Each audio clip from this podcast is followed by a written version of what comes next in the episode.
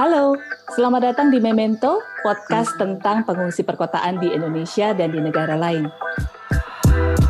Podcast ini diproduksi oleh RDI UREF, kelompok penelitian pengungsi perkotaan di bawah Resilience Development Initiative, sebuah lembaga think tank yang berfokus pada isu-isu resiliensi dan pembangunan berkelanjutan.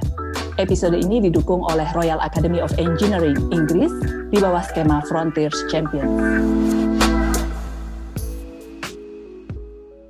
Hari ini kita akan lanjutkan obrolan minggu lalu kita bersama Humaira dari Jakarta Bersatu Project dan Syafira dari Same Skies Indonesia.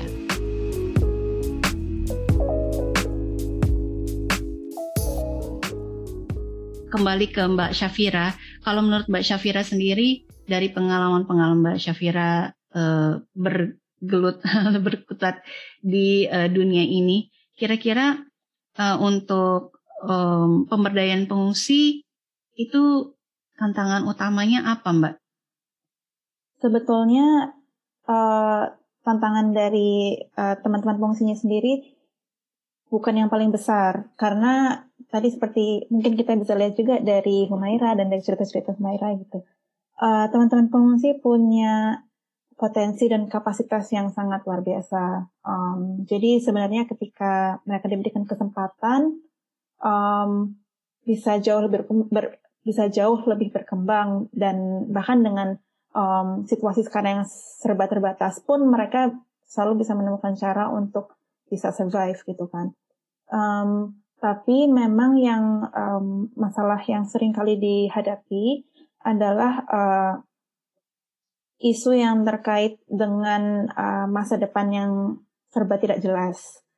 Jadi teman-teman pengungsi kan juga manusia dan seperti manusia pada umumnya juga punya mimpi-mimpi, keinginan uh, untuk bisa hidup dengan normal, dengan aman, uh, bisa apa ya berkeluarga misalnya atau bisa mengembangkan diri um, dengan cara kuliah dan bekerja seperti orang-orang lain pada umumnya saja gitu. Tapi dengan situasi yang serba tidak menentu, uh, masa depan yang tidak jelas itu yang kemudian menjadi beban utama dalam hidup teman-teman. Um, jadi uh, situasi yang serba tidak pasti ini yang kemudian berdampak pada hal-hal seperti uh, isu-isu mental health gitu kan, seperti depresi, um, kecemasan, um, banyak teman-teman um, pengungsi yang uh, apa ya namanya mengalami masalah-masalah uh, apa ya mental health issues yang kemudian bahkan berdampak pada kayak uh, menyakiti diri sendiri self harm gitu dan bahkan di berita ada yang sampai suicide dan sebagainya gitu. Jadi teman-teman pengungsi yang kemudian aktif di komunitas ini menanggung uh, burden yang cukup berat karena di satu sisi mereka uh, sebagai apa namanya pemimpin di komunitasnya, pemimpin-pemimpin muda di komunitas gitu kan, yang memikirkan, wah bagaimana ya kita bisa menyediakan layanan untuk komunitas, bisa menyediakan uh, pendidikan secara informal ke anak-anak pengungsi di komunitas gitu. Tapi di sisi lain mereka juga harus memikirkan dirinya sendiri juga kan, atau uh, mereka sendiri masa depannya uh, itu juga tidak jelas gitu. Jadi ada kayak semacam double burden gitu yang dihadapi terutama oleh teman-teman uh, pengungsi uh, yang aktif di komunitas. Ditambah juga ada ketakutan-ketakutan di antara komunitas sendiri gitu, bahwa ketika nanti mereka aktif di community atau mereka aktif dalam kegiatan-kegiatan organisasi, itu bisa mempengaruhi kesempatan untuk mendapat resettlement gitu. Jadi um, harus dipahami bahwa um, UNHCR itu kan hanya um, memfasilitasi sedikit sekali uh, kesempatan resettlement. Jadi hanya uh, tidak semua intinya pengungsi itu um, bisa mendapatkan resettlement dan sering kali yang mendapatkan kesempatan resettlement tersebut adalah mereka yang dianggap vulnerable atau rentan dan memiliki kerentanan khusus apakah itu um, dari soal kesehatan atau faktor-faktor um, lainnya lah. Nah, ketika teman-teman pengungsi ini kemudian aktif di komunitas, mereka uh, bisa jadi dilihat oleh UNHCR, oh mereka tidak cukup rentan nih gitu. Jadi buat apa kita ngasih mereka kesempatan di settlement? Itu adalah kekhawatiran yang timbul di benak teman-teman para pengungsi yang kemudian menjadi hambatan uh, bagi teman-teman untuk kemudian terlibat secara lebih aktif di organisasi dan uh, men mencari kesempatan untuk mengembangkan diri gitu. Jadi itu uh, mungkin salah satu tantangan utama yang dihadapi oleh uh, para teman-teman gitu. Sedangkan untuk um, tantangan dari pemerintah tentu um, cukup banyak juga ya, tapi um, ini terutama lebih dalam hal uh, peraturan-peraturan uh, yang um, membatasi kesempatan para pengungsi untuk bisa mengembangkan diri. Tapi mungkin kita tidak usah membahas terlalu banyak di situ. Kalau dari mungkin dari masyarakat kitanya gimana Mbak ya? Ya. Uh, jadi untuk uh, dalam dalam melibatkan masyarakat kita mungkin ada tantangan tertentu ke dalam Eh, kegiatan-kegiatan atau program-program terkait penanganan pengungsi? Jadi kalau untuk tantangan dari masyarakat sendiri mungkin memang ter masih terkait dengan kurangnya kesadaran atau awareness dari masyarakat atau kadang-kadang masalahnya justru begini ada awareness tapi awareness yang salah gitu. Jadi um, uh, dalam pengalaman saya ketika saya uh, melakukan misalnya kegiatan fundraising untuk uh, inisiatif pengungsi gitu ya kadang akan mendengar komentar-komentar yang negatif. Uh, dalam artian ada orang-orang yang bilang, oh buat apa kita bantu para pengungsi kan mereka setiap bulan dapat uang uh, 20 juta dari PBB gitu. Jadi ini ada apa ya namanya mitos-mitos kadang yang berkembang di masyarakat yang salah gitu. Dikiranya semua orang pengungsi itu um, mendapatkan dukungan dari badan-badan PBB yang tidak betul kan karena hanya uh, kira-kira setengah lah pengungsi di Indonesia yang mendapatkan dukungan dalam bentuk akomodasi dari IOM dan uh, sedikit apa ya apa namanya um, monthly support gitu tapi itu pun juga tidak banyak. Nggak sampai yang 20 juta 30 juta seperti mereka bilang. Um, kemudian uh, ada juga ya apa namanya um, pemahaman-pemahaman yang uh, di disebabkan oleh uh, liputan-liputan media yang mungkin hanya fokus ke hal-hal negatif yang dilakukan oleh oknum-oknum gitu. Ketika ada pengungsi yang terlibat dalam apa ya namanya tindakan-tindakan misalnya kriminal gitu, itu kan sebenarnya hanya mungkin kurang dari satu persen gitu. Tapi itu kan yang akan diangkat oleh media yang buruk-buruknya gitu. Jadi itu yang kemudian muncul, oh pengungsi di Indonesia itu eh, melakukan ini ini ini. Jadi menimbulkan prejudice juga terhadap uh, komunitas seluruh komunitas pengungsi di Indonesia gitu yang um, dampaknya dialami langsung oleh teman-teman. Jadi um, mungkin tantangannya itu. Jadi bagaimana kita bisa membantu dalam uh, raising awareness, tapi raising awareness yang betul gitu, memberikan informasi-informasi yang berdasarkan fakta um, dan juga apa ya namanya humanis gitu. Jadi berusaha untuk uh, memberikan kesadaran kepada masyarakat bahwa teman-teman pengungsi ini di sini hanya manusia yang juga ingin hidup seperti kita, tapi uh, dalam kondisi yang serba terbatas dan berada dalam situasi yang bukan karena salah mereka gitu. Mengenai mungkin apa yang bisa kita lakukan untuk apa yang menggerakkan masyarakat, terutama anak-anak muda Indonesia, itu um, mungkin saya uh, cukup optimis karena kalau misalnya kita lihat dalam beberapa tahun belakangan, ketika saya pertama kali um, berkecimpung di isu ini, sedikit sekali orang-orang Indonesia yang paham. Mungkin hanya uh, mereka yang berada di Cisarua atau mungkin mereka yang uh, tinggal di daerah dekat um, shelter pengungsi yang tahu ada isu pengungsi ini. Tapi rata-rata um, isu pengungsi itu belum banyak muncul di media. Tapi dalam hanya lima tahunan terakhir itu mulai semakin berkembang uh, awareness soal isu pengungsi, terutama di kalangan anak-anak muda gitu.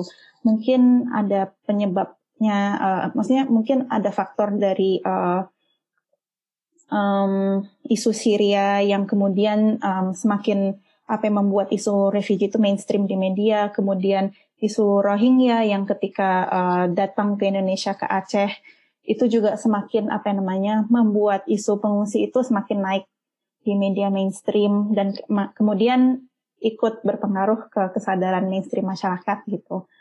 Um, Dan jadi kalau misalnya kita lihat dalam beberapa tahun terakhir kesadaran itu sudah mulai meningkat um, dan semakin banyak juga orang-orang Indonesia yang terlibat gitu dalam um, isu-isu eh, maaf dalam inisiatif-inisiatif untuk pemberdayaan pengungsi. Jadi um, optimisme itu sebenarnya ada dan mungkin hal yang bisa juga kita dorong bersama-sama adalah uh, memberikan pemahaman bahwa semua orang bisa turut berkontribusi um, dalam bentuk apa pun sesuai um, sesuai potensi atau um, kapasitas masing-masing gitu. Jadi misalnya um, ada ada orang Indonesia yang fok, yang yang senangnya misalnya fokus di dunia seni gitu, terus merasa oh mungkin saya nggak bisa berkontribusi banyak terhadap isu pengungsi karena latar belakang saya di bidang seni gitu. Padahal um, beberapa tahun lalu sempat ada inisiatif yang digagas oleh um, seorang anak apa anak muda Indonesia namanya Art Fair Refuge. Jadi dia bekerja sama dengan sebuah learning center dan menggelar uh, pameran seni gitu yang diciptakan uh, karya-karya seni yang diciptakan oleh teman-teman dan anak-anak fungsi sampai dipamerkan uh, di galeri apa nasional dan sebagainya gitu. Jadi sebenarnya hal-hal seperti itu banyak sekali uh, terjadi dan bisa dilakukan. Jadi kita semua bisa berkontribusi dengan cara kita masing-masing. Tapi kalaupun ada hal yang hmm, mungkin bisa kita lakukan paling minimal itu ya membantu uh, raising awareness dan uh, apa namanya membantu menyebar bukan menyebarkan ya, membantu uh, mengcounter mitos-mitos dan um, uh, pemahaman yang tidak benar tentang isu pengungsi. Iya. Saya pribadi itu juga baru tahu bahwa ada pengungsi di Indonesia. itu tahun 2017, Mbak. Ketika saya main ke Bogor. Nah, kalau Mbak Eca tadi bilang baru tahu isu isu tentang pengungsi 2017, saya sendiri baru tahu di 2019.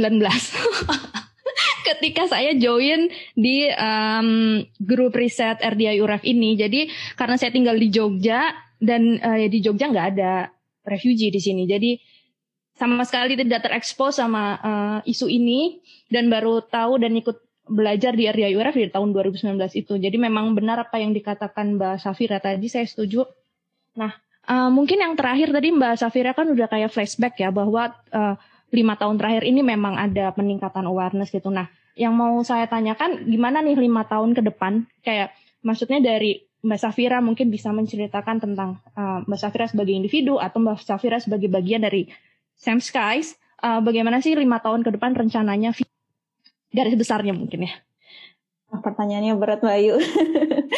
um, tentunya uh, ada harapan-harapan yang besar bahwa dalam uh, lima tahun ke depan itu uh, gerakan-gerakan masyarakat sipil di Indonesia um, itu bisa semakin solid uh, dalam artian baik dari um, organisasi-organisasi lokal uh, dari masyarakat Indonesia maupun dari pengungsinya sendiri. Karena semakin banyak kan uh, refugee led organizations juga gitu. Jadi um, harapannya tentu adalah uh, gerakan atau civil society space ini bisa semakin kuat lagi dalam berkolaborasi dan berkonsolidasi supaya bisa bersama-sama uh, mendorong perubahan-perubahan yang lebih positif baik dalam hal advokasi uh, di tingkat nasional atau dan uh, nasional dan lokal gitu ya maupun uh, di gerakan-gerakan akar rumput gitu. Uh, banyak hal yang um, dalam hal advokasi di tingkat uh, pemerintahan yang harapannya bisa terwujud misalnya uh, pemberian hak-hak uh, bekerja atau setidaknya um, kesempatan untuk mengembangkan diri bagi para pengungsi itu bisa terwujud. Jadi memang hak bekerja itu sesuatu yang masih kontroversial di pemerintah. Um, tapi tidak harus misalnya ini sebenarnya bisa menjadi apa ya namanya bisa tetap mencari jalan tengahnya juga gitu. Dalam artian pemerintah bisa uh, memberikan kesempatan apakah itu um, dalam hal misalnya memberikan kesempatan untuk bisa apa ya namanya dalam dalam konteks livelihood itu bisa uh, peng, uh, para pengungsi bisa menjalani um, internship atau kayak um, apa yang namanya um, ya internship atau kayak placement gitu di uh, perusahaan-perusahaan atau um, organisasi-organisasi yang sesuai minat masing-masing sehingga para pengungsi bisa mendapatkan kesempatan untuk mengembangkan diri gitu. Um, kedua tentunya dalam hak pendidikan harapannya um, kalau saat ini kan pemerintah Indonesia sebetulnya sudah memberikan um, apa namanya pemerintah Indonesia sudah memperlakukan uh, peraturan-peraturan uh, yang memungkinkan para anak-anak pengungsi itu bisa bersekolah di sekolah publik gitu, atau sekolah umum. Um, sayangnya hal tersebut um, masih sangat terbatas karena anak-anak yang sekolah di sekolah uh, sekolah umum tersebut tidak bisa mendapatkan ijazah. Jadi itu sih yang masih menjadi kendala dan harapannya um, bisa menjadi uh, bisa ada solusi gitu yang bisa menjadi apa namanya motivasi juga gitu para, bagi para pengungsi untuk um, masukkan anak-anaknya di sekolah umum. Karena kalau misalnya udah sekolah 6 tahun terus nggak ada ijazah kan juga nanti um, rugi juga gitu bagi mereka gitu kan. Um, dan juga untuk sekolah lebih lanjutnya dalam artian harusnya ini bisa di um, berlakukan juga bagi sekolah tingkat menengah, sekolah tingkat um, menengah atas, dan juga di tingkat universitas gitu. Karena kalau di luar negeri sudah banyak sekali kampus-kampus yang yang aware soal isu pengungsi dan memberikan scholarship untuk uh, para pengungsi. Nah, harapannya model-model seperti ini yang bisa, bisa ditiru oleh uh, kampus-kampus uh, di Indonesia gitu. Jadi um, terutama dua, dalam dua hal tersebut. Tapi memang juga uh, tentunya kita berharap lebih uh, untuk solusi-solusi uh, di tingkat internasional juga um, bisa semakin uh, baik gitu ya dalam artian lebih banyak um, long term solutions yang lebih sustainable bagi teman-teman fungsi, apakah itu dalam bentuk resettlement um, atau integrasi secara lebih formal. Itu uh, kira-kira harapannya.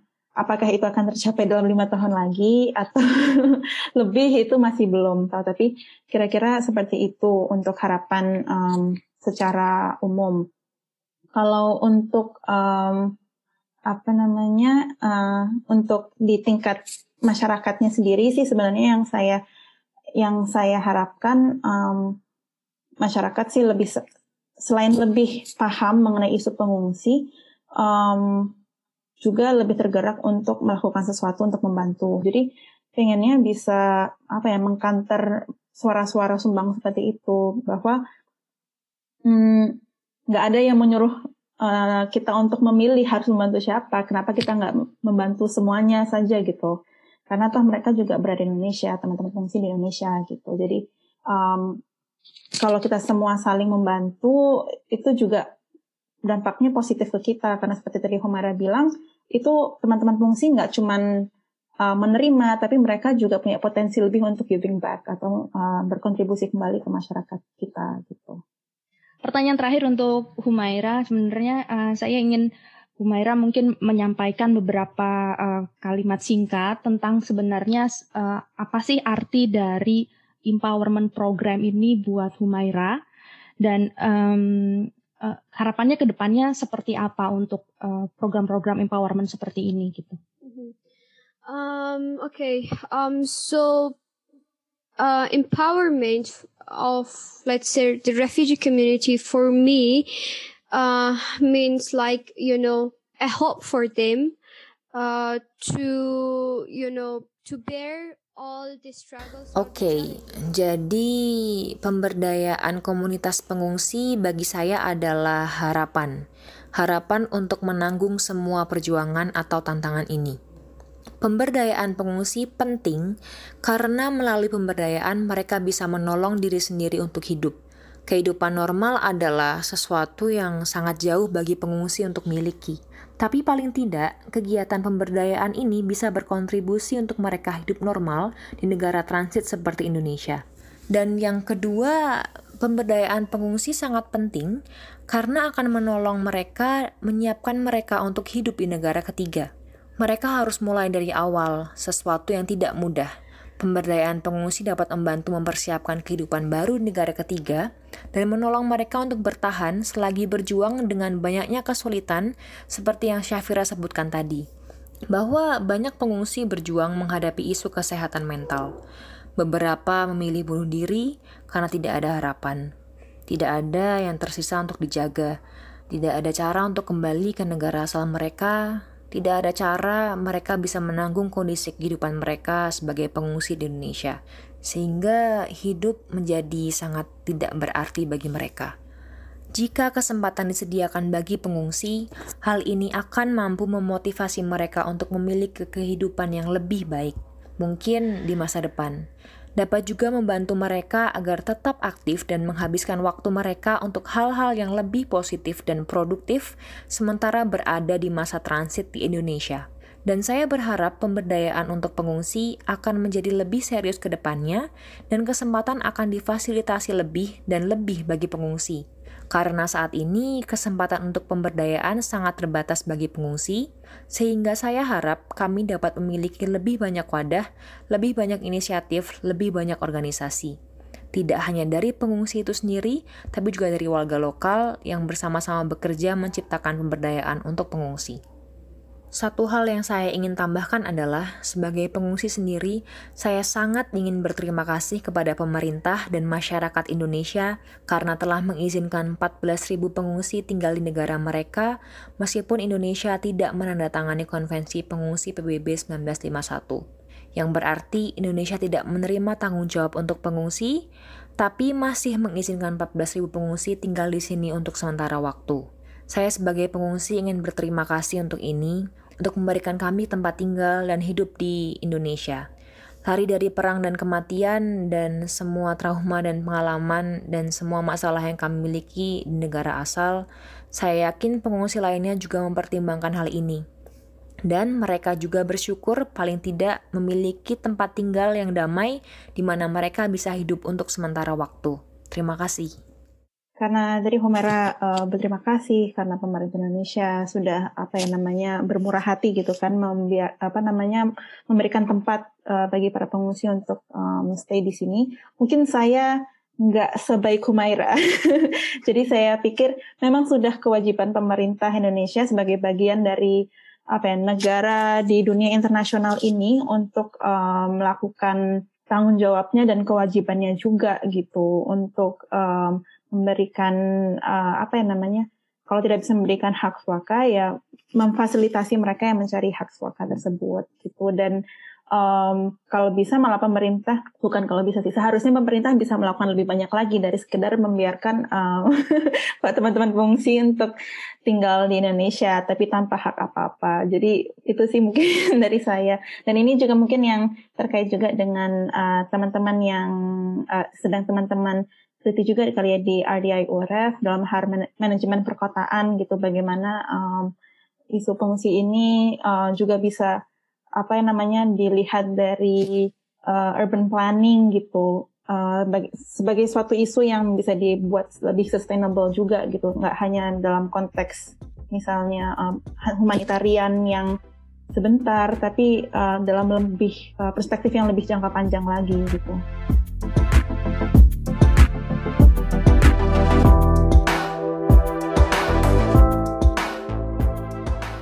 Oke, menarik banget ya tadi obrolan sama Mbak Syafira dan Humaira. Menurut Ayu, uh, gimana? Apa yang paling berkesan dari obrolan tadi sama Mbak Syafira dan Humaira?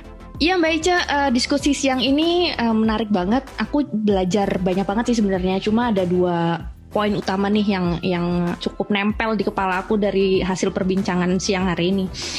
Uh, yang pertama, memang dari yang kita tahu bahwa banyaknya larangan atau um, sangat sedikitnya hak yang bisa diterima oleh refugee ketika mereka transit di, di Indonesia. Dan uh, ada juga kayak latar belakang kondisi mereka yang uh, datang ke sini dengan membawa trauma dari negara asalnya. Bahwa kegiatan empowerment ini itu sangat penting bagi mereka. Itu juga uh, sempat di uh, kemukakan ya sama Humaira tadi. Di mana kita juga harus uh, mungkin perlu lebih memahami kalau refugee ini juga manusia gitu, human being yang mereka juga memiliki kebutuhan basic atau kebutuhan dasar yang uh, perlu dipenuhi sehingga dengan adanya program empowerment ini harapannya mereka uh, apa ya jadi punya sesuatu yang um, mereka bisa taruh harapan mereka di situ sehingga uh, uh, dengan kondisi uh, latar belakang mereka tadi mereka juga pertama bisa punya potensi untuk memenuhi kebutuhan dasar mereka selain itu mereka juga uh, bisa mempersiapkan diri untuk kehidupan mereka berikutnya gitu karena uh, ya hidup mereka tidak berhenti di sini saja gitu mereka masih perlu uh, menjalani hidup ke depannya dan dengan empowerment program ini diharapkan bisa membantu mereka uh, mempersiapkan diri gitu. Nah, terus yang kedua tadi juga sempat di highlight baik Humaira maupun Mbak Safira bahwa uh, selain program empowerment bagi refugee, kesadaran masyarakat Indonesia atau uh, pengetahuan tentang bagaimana kondisi refugee Indonesia itu memang uh, masih perlu ditingkatkan dan kita bisa bersama-sama berupaya untuk uh, meningkatkan awareness itu gitu. Di mana uh, dengan peningkatan awareness ini dan uh, pengetahuan tentang situasi refugee uh, makin baik di uh, masyarakat Indonesia, mereka jadi uh, apa ya masyarakat Indonesia mungkin jadi lebih uh, support ya bisa lebih membantu juga terwujudnya uh, tujuan dari empowerment program ini gitu. Jadi mungkin pemahaman tentang tadi sempat Humaira juga uh, bicara bahwa dengan refugee menerima aware, empowerment program ini mereka ini sebenarnya posisinya tidak hanya sebagai receiver atau uh, penerima saja tapi mereka juga sebenarnya punya punya potensi dan punya kemampuan untuk uh, give it back atau uh, mengembalikan dan berkontribusi pada masyarakat di tem uh, tempat mereka tinggal saat ini yaitu di Indonesia. Kira-kira dua dua poin utama itu sih Mbak yang uh, uh, apa ya aku dapat dari diskusi uh, siang hari ini. Kalau Mbak Ici gimana nih? Aku juga menangkap hal yang sama gitu. Jadi salah satu highlight yang selalu diingat adalah selama teman-teman pengungsi itu diberikan kesempatan, maka banyak hal yang bisa mereka lakukan atau kembangkan tidak hanya untuk diri mereka sendiri, tapi juga uh, untuk uh, kita gitu, uh, apa namanya masyarakat Indonesia. Terus uh, juga ini disebutkan oleh uh, keduanya ya oleh Humaira maupun Mbak Syafira. Kemudian saya suka banget dengan closing statementnya Mbak Syafira tadi gitu bahwa apa yang uh, maksudnya terkait dari kesempatan yang tadi perlu diberikan kepada teman-teman pengungsi, uh, pemberdayaan mereka dan lain sebagainya itu sebenarnya bisa dilakukan uh, tidak hanya oleh pemerintah atau UNHCR dan lain-lain gitu, tapi oleh masyarakat kita sendiri gitu. Yang penting uh, satu adalah uh, meluruskan dulu kita bisa meluruskan dulu apa yang menjadi apa ya pemahaman masyarakat yang mungkin perlu diluruskan. Uh, kemudian kedua adalah memahamkan mereka uh, terkait kondisi pengungsi, uh, apa kebutuhannya dan lain sebagainya. Uh, tapi yang ketiga itu adalah paling penting yaitu beneran beraksi gitu. Jadi tidak hanya uh, tahu, paham, tapi juga beraksi. Apalagi kalau anak-anak muda di Indonesia kan potensinya besar ya mereka pasti ide-idenya juga banyak. Sebenarnya banyak yang bisa kita lakukan gitu bareng-bareng.